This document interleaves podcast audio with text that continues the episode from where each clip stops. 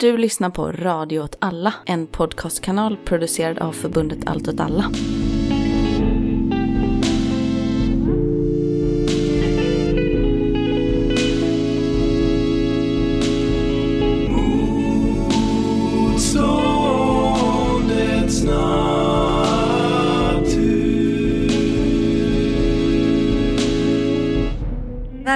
Till Motståndets natur, en framåtblickande podcast om radikal klimat och miljökamp. Och eh, idag är jag här, Ellen. Hej Jakob. Tjena Ellen. Hur är läget med dig? Det är bra, men eh, jag har varit så jävla sjuk och idag har jag jobbat 11 timmar och är rätt bränd i huvudet, måste jag liksom brasklappa med redan med en gång. Men hur är läget med dig Ellen? Ja, men det är bra. Jag har eh, ett jobb som tar väldigt mycket. Mitt jobb går ju ut på att eh, få politiker som har tagit fluffiga mål att eh, förstå vad att jobba med hållbarhetsmål i praktiken eh, faktiskt innebär och att få jätteöverbelastade kollegor att också ha tid för hållbarhetsfrågor. Det är typ mitt eh, jobb. Och sen så har jag noll budget så mitt jobb går också ut på att finansiera mig själv och allt jobb jag driver. Och det tar en eh, deprimerande mycket av min tid. Men vad ska vi prata om? Vi ska väl prata om klimatanpassning och eh, klimaträttvisa. Eh, det är ju en fråga som, ja men det ligger ändå mig ganska varmt om hjärtat. Både klimaträttvisa som en fråga och också alltså, gillar frågan om mm, klimatanpassning. Tycker det är en spännande fråga. Tycker den är, det är en sån ro, rolig blandning av extremt konkret och eh, politik och vision och utveckling och stridigheter kring det. Så jag tycker att det är spännande på det sättet. Det är, ju det är ett ämne där, där jag verkligen inte riktigt bottnar, men där jag liksom lutar mig mot, eh, mot din kompetens och så. Det, och det känns jävligt tryggt. Men jag, jag, har liksom, jag har i många år varit ganska skeptisk till liksom resilience och anpassnings... Liksom, perspektiv, i alla fall när jag var liksom yngre och, och pluggade och sånt, för jag tyckte det, känd, det var inte lika eh, spänstigt och liksom utsvävande som alla så här fluffiga teorier och sånt. Ja, ibland jobbar jag ju med anpassning och det kan liksom vara så, vi måste bygga ett dike här. Det kan ju vara så konkret. Men jag tänker att det har ju tidigare historiskt varit eh, en fråga man inte vill ta i därför att det mm, har känts som att ge upp någonting. Alltså vi ska ju förhindra klimatet att förändras. Då kan vi inte börja prata om anpassning för då, då har vi gett upp att vi ska kunna förhindra den här stora förändringen. Så det tänker jag är, på många sätt har det nog funnits, ja men jag har känt motstånd för det och jag tror att det har funnits mycket motstånd för att prata om det. Men, men, eh, men precis som du säger, men, och, men det har ju också, i det, i det du säger så, så ligger det något implicit att det har hänt någonting. Att, att det, för, för jag känner också av det och det, då måste det ju vara sant för alla andra också. Men att det, klimatanpassning eller, eller den här typen av Jakob lite mer är vår everyday man. det har ju, ja. Med, eh, men att eh, klimatanpassning och eh, den här typen av lite mer eh, hands-on och kanske lite tråkigare på at first glance, men att eh, det har blivit sexigt helt plötsligt. Är det det vi säger? Jag har alltid tyckt att typ vatten och avlopp är kul. Men, eh, men, nej, men alltså jag tänker att det som har hänt är vi har haft ja, men de här jättestora översvämningarna i Gävle. Det var den här sommaren 2018 när det inte regnade överhuvudtaget. Och, man, och eh, så bönderna nödslaktade djur. Och det har ju bara varit så, em, ganska tama grejer i Sverige. Blickar vi ut i världen så har det ju varit, det har ju varit en del enorma översvämningar i, bara i Tyskland. Det har ju varit enorma skogsbränder i många länder i världen. Det har ju varit stora naturkatastrofer i Bangladesh. Det har varit eh, torka i Medelhavet, Nordafrika. Så jag tänker att det också handlar om att det, vi, det är inte så att vi ger upp det här målet, men det är lite så, vi, vi har kommit så långt att det är en realitet. Mm. Liksom, tänker jag. Det, jag håller verkligen med dig, men jag tycker också att det är... Jag skulle ändå säga att det är också en liten, lite av en fråga av mognad för politik som har att göra med miljö och klimatkriserna. Att det räcker inte att ha rätt, Mm. Mm. liksom, moraliskt. Det räcker inte att prata om hur akut klimatfrågan är. Ja, fossilindustrin eh, och kapitalismen i förlängningen är liksom orsaken och motorn till eh, all den här förstörelsen. Men det räcker inte att ha rätt i den frågan, utan liksom, ja, men vad, vad gör vi? Och då måste man kanske börja i, i, ja, någonstans i det lilla och praktiska och i, i, det, i det närliggande. Liksom. Men jag tänker, nu har vi börjat prata lite om varför vi är intresserade av detta och så vidare, men jag tror att vi ändå behöver reda ut lite i begreppen. Och klimaträttvisa är ju ett sådant begrepp som jag tror de flesta har sett eller hört flimra förbi i alla möjliga sammanhang. Och det finns ju väldigt många aktuella diskussioner kring ämnet. Vi har pratat om det, du och jag. Jag tror att det här kommer vara liksom en, en återkommande karaktär i podden, eh, det här konceptet, för det finns väldigt många ingångar, väldigt många olika typer av försök att mobilisera det här begreppet klimaträttvisa. Det finns många olika rättvisedefinitioner överhuvudtaget. Så jag tror att vi kommer återvända till detta. Eh, men i just detta fallet så pratar vi om klimaträttvisa utifrån just anpassning till klimatförändringar. Men begreppet är ju någonstans ett liksom erkännande av att den globala, alltså globala uppvärmningen är en kris. Även om globa, eh, krisen är global så känns liksom, eller, eller upplevs eh, inte effekterna liksom jämnt över världen eller mellan klasser. Och det är eh, liksom ett försök att sätta fingret på det eller mobilisera kring det på olika sätt. Det, på något sätt, det skulle jag ändå säga, eller om inte du motsätter dig, är någon slags kärna i det begreppet. Som jag tror att vi redan antytt här nu då, men det finns ju liksom en massa andra diskussioner som det här konceptet leder vidare till. Det, det spiller över i diskussioner om social rättvisa av alla möjliga slag, framförallt kring rasism och, och, och, och andra typer typer av förtryck och det finns jätteintressanta exempel på det från liksom, i direkt nutid. Greta Thunberg hamnade i eh, hetluften eh, bara i dagarna på en klimatkonferens och i Tyskland är man jättesura på Fridays for Future och Greta för att man blandar in politik i klimatfrågan och så vidare. Just det, för hon hade gått ut och äh, sagt något, sluta bomba Gaza. Och nu är hon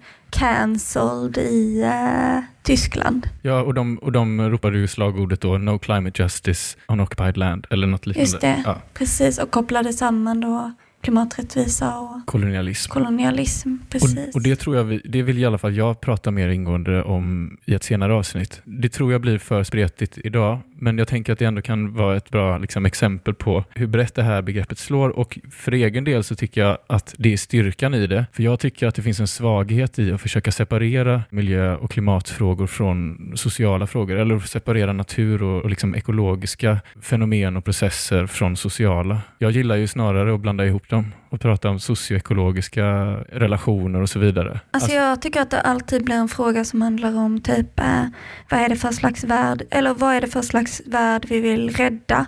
Det är ju mitt och Hannas gamla slagord. Ja. Vilken värld ska vi rädda och vad ska vi bygga? Om man inte kopplar eh, klimatfrågan till sociala frågor och inte explicit ställer frågan vilken värld ska vi rädda? Då tänker jag att det är väldigt många som vill rädda saker som eh, som eh, orättvisor. Och att det finns väldigt många som är beredda att, att eh, offra människor och rädda egendom och företag och, och att man hellre ser en positiv ekonomisk utveckling än en eh, jämlik och eh, trygg utveckling för eh, alla. Liksom. Eller så, det finns inget, eh, klimatfrågan i sig själv tycker jag typ inte är så intressant om man inte, om man, alltså det är människan i centrum någonstans. Eller alltså så, vad är det, vad är annars värt att rädda typ? Ja men det, det är en jättebra poäng för det, det betyder då att, eller då kan man ju förstå klimaträttvisebegreppet eller, eller vad man ska säga som ett svar på, ett svar på klimatkrisen som inte räcker till. Som blir liksom att frisera det rådande läget med lite grönare eh, alternativ för konsumtion och produktion och transporter och så vidare.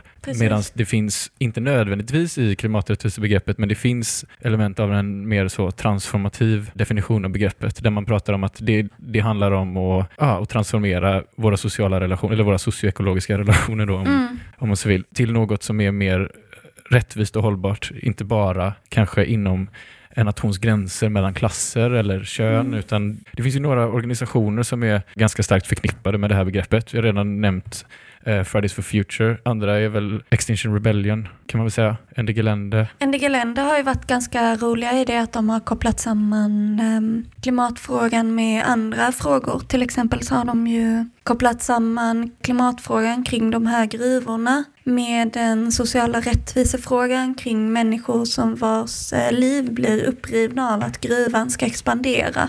Och så blir liksom by, hela byar blir eh, rivna och tvångsförflyttade. Men jag tror att de hade en ockupationsfest i en by samtidigt som de hade blockader på gruvorna. Nu har vi varit och doppat fötterna lite i vad, vad klimaträttvisa kan, eh, kan betyda. Men då tycker jag att vi kollar upp ärmarna och tar oss an klimatanpassning. När klimatet förändras så får det effekter.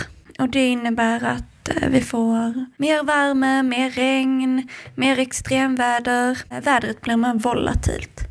Det blir mer extremhändelser. Vilket är varför det fortfarande kan vara så att det blir kallt. Jag Precis. menar till exempel man har en del konservativa politiker som tar upp snöbollar i amerikanska kongressen eller moderater och sverigedemokrater som pekar på att det snöar i april och Precis, så vidare. och det är för att det blir mer volatilt. Liksom. Alltså det, ser, det blir mest mer volatilt på det varma hållet. Men det blir också mer extremväder åt det, åt det kalla också. Sen så ändras ju vår perception också om liksom vad som är normalt. Alltså att saker som vi tänker, oj, det var ett sånt himla snöoväder. Det handlar också om att vi rör oss mot varma somrar så det som kanske har varit mer normalt verkar mer extremt. Hur vi påverkas av klimateffekter beror på lite olika saker. Det ena beror ju på hur mycket klimatet förändras, alltså hur mycket klimatrelaterad fara är vi utsatta för? Hur mycket fysiska händelser? Och det är ju bara sådana saker som, bara du bor i um, vissa tropiska områden så är du jättemycket mer utsatt för att det finns mycket mer fara. Men det handlar också om sårbarhet. Alltså hur benägen är man att påverkas negativt?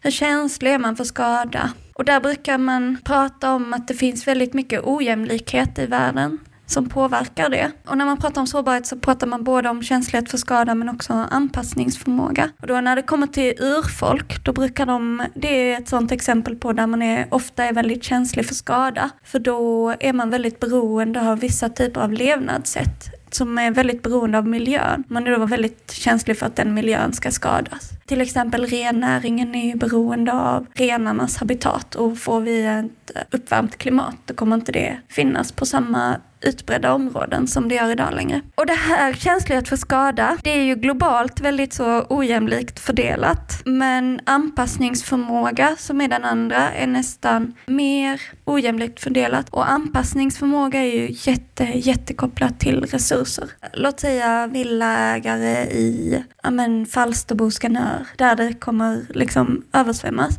De är ju exponerade och känsliga för skada. Men de har extremt hög anpassningsförmåga jämfört med andra. Man har en villaförsäkring helt enkelt. Medans eh, till exempel ja, men människor i utsatta områden, de kanske inte är lika känsliga för skada, men de har däremot väldigt låg anpassningsförmåga. Vilket gör att det kan ändå slå hårdare. Ekonomisk ojämlikhet är ju generellt en sån sak som påverkar anpassningsförmågan jättemycket. Och det påverkar också alltså, viljan att göra någonting. Alltså att det, det här är människor som sitter med jättemycket resurser, så de skiter i risker. Och det påverkar andra därför att de påverkar hur mycket risker som tillåts finnas typ. Ja, men som att det är inbyggt då en slags eh, broms mot och faktiskt motverka de här effekterna för alla. För om man kan försäkra sig ekonomiskt ur en översvämning var tredje år eller sådär och kan ta en, en spike i livsmedelspriser på grund av en brand eller torka eller sådär så är man inte lika benägen att, eh, att föra en politik som, som bromsar den här utvecklingen för man, man har annat att vinna på det här systemet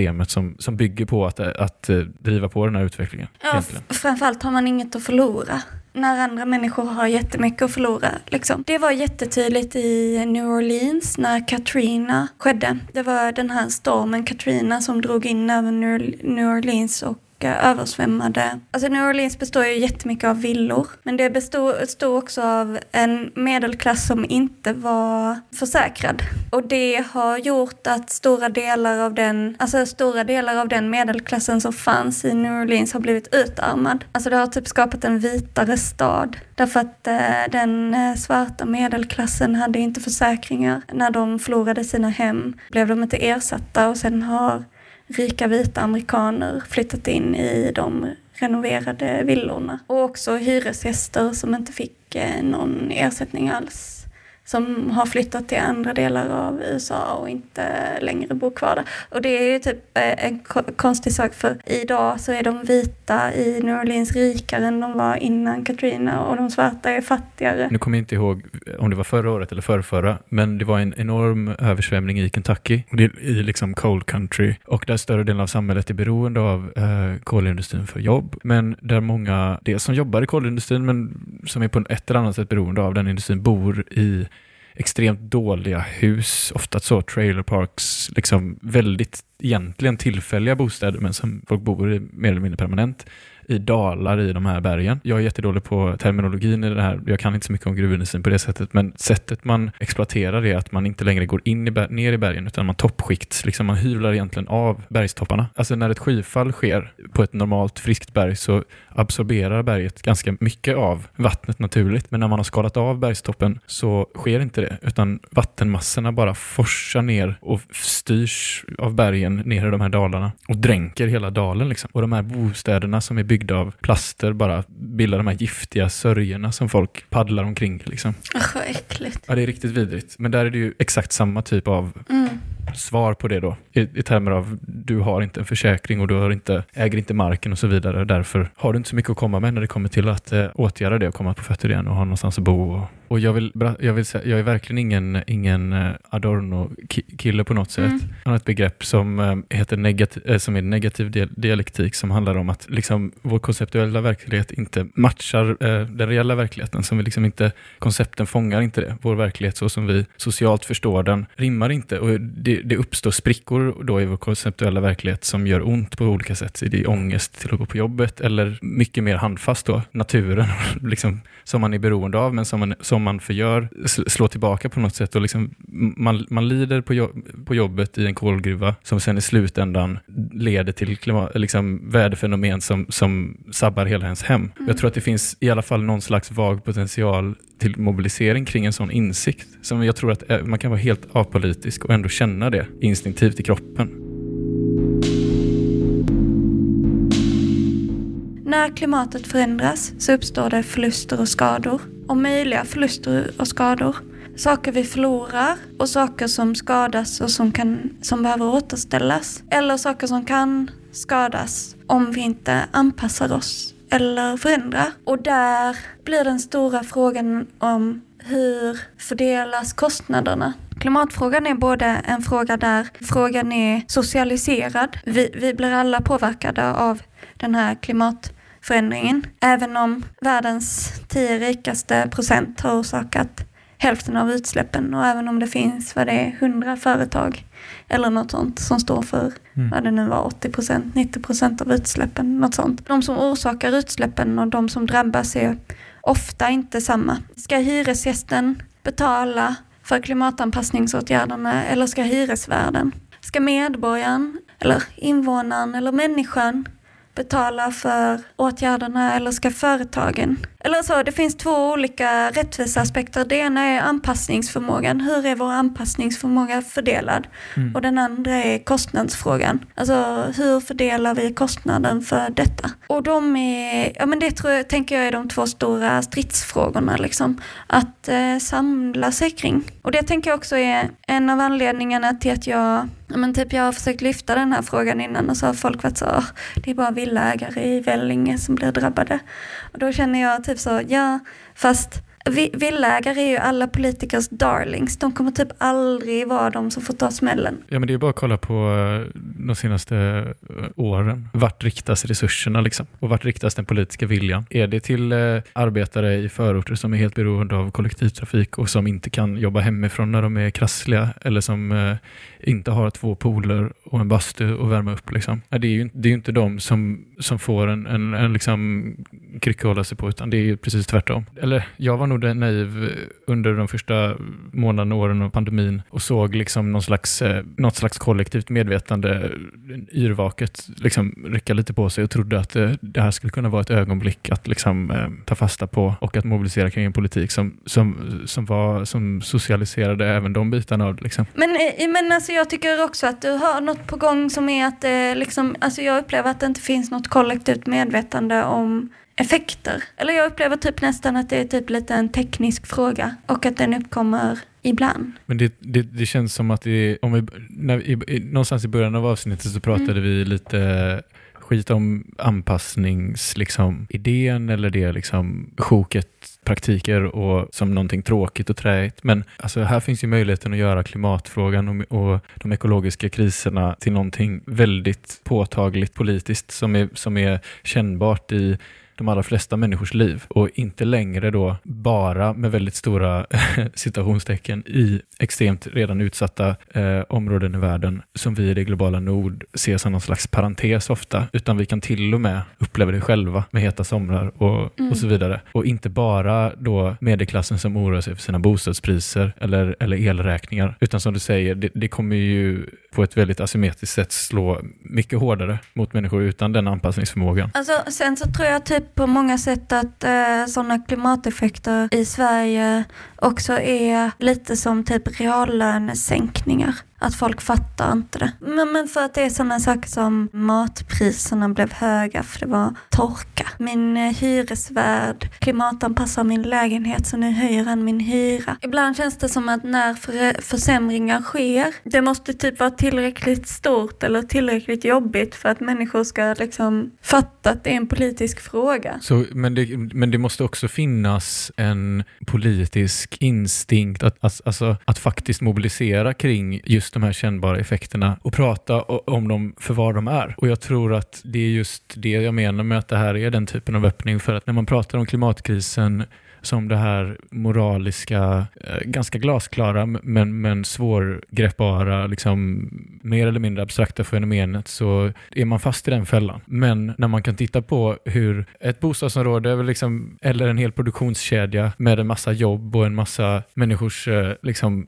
upphälle och så påverkas, att, att det är inte en omöjlig uppgift att knyta ihop de här frågorna. I klimatanpassningsarbetet så finns det ett begrepp som heter maladaptation och det är när man gör klimatanpassningsåtgärder som får negativa andra effekter, ofta då sociala. Hyresvärden klimatanpassar, det blir dyrare. De kastar ut sina gamla hyresgäster och, och så flyttar det in rika hipsters. Alltså jag tänker att det är kopplat till den här nyliberala grejen att, eh, att eh, ta vara på kriser för att göra världen lite sämre, typ. Och då någonstans så är ju kejsaren naken tänkte jag säga, men alltså någonstans är ju eh, klimatfrågan eh, oundviklig när man har hamnat i den situationen att eh, den är reell liksom. Och för det andra så finns det ju ett ögonblick där när man liksom börjar prata om klimatanpassning och omställning så finns det ju alltid ett ögonblick där man säger det vi har gjort innan funkar inte, vi måste göra något annat. Och där tänker jag att det alltid finns en öppning till någonting.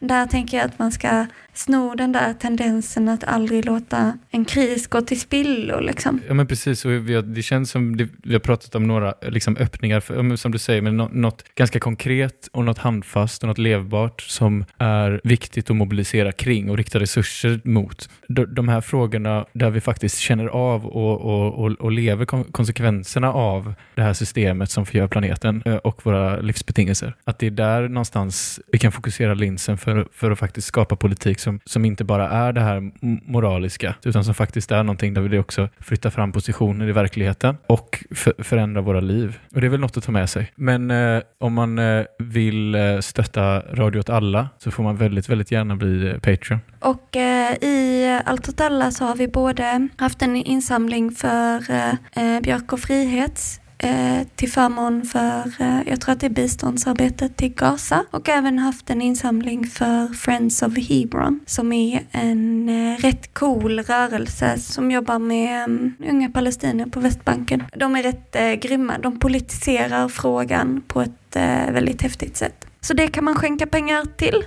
Motståndets namn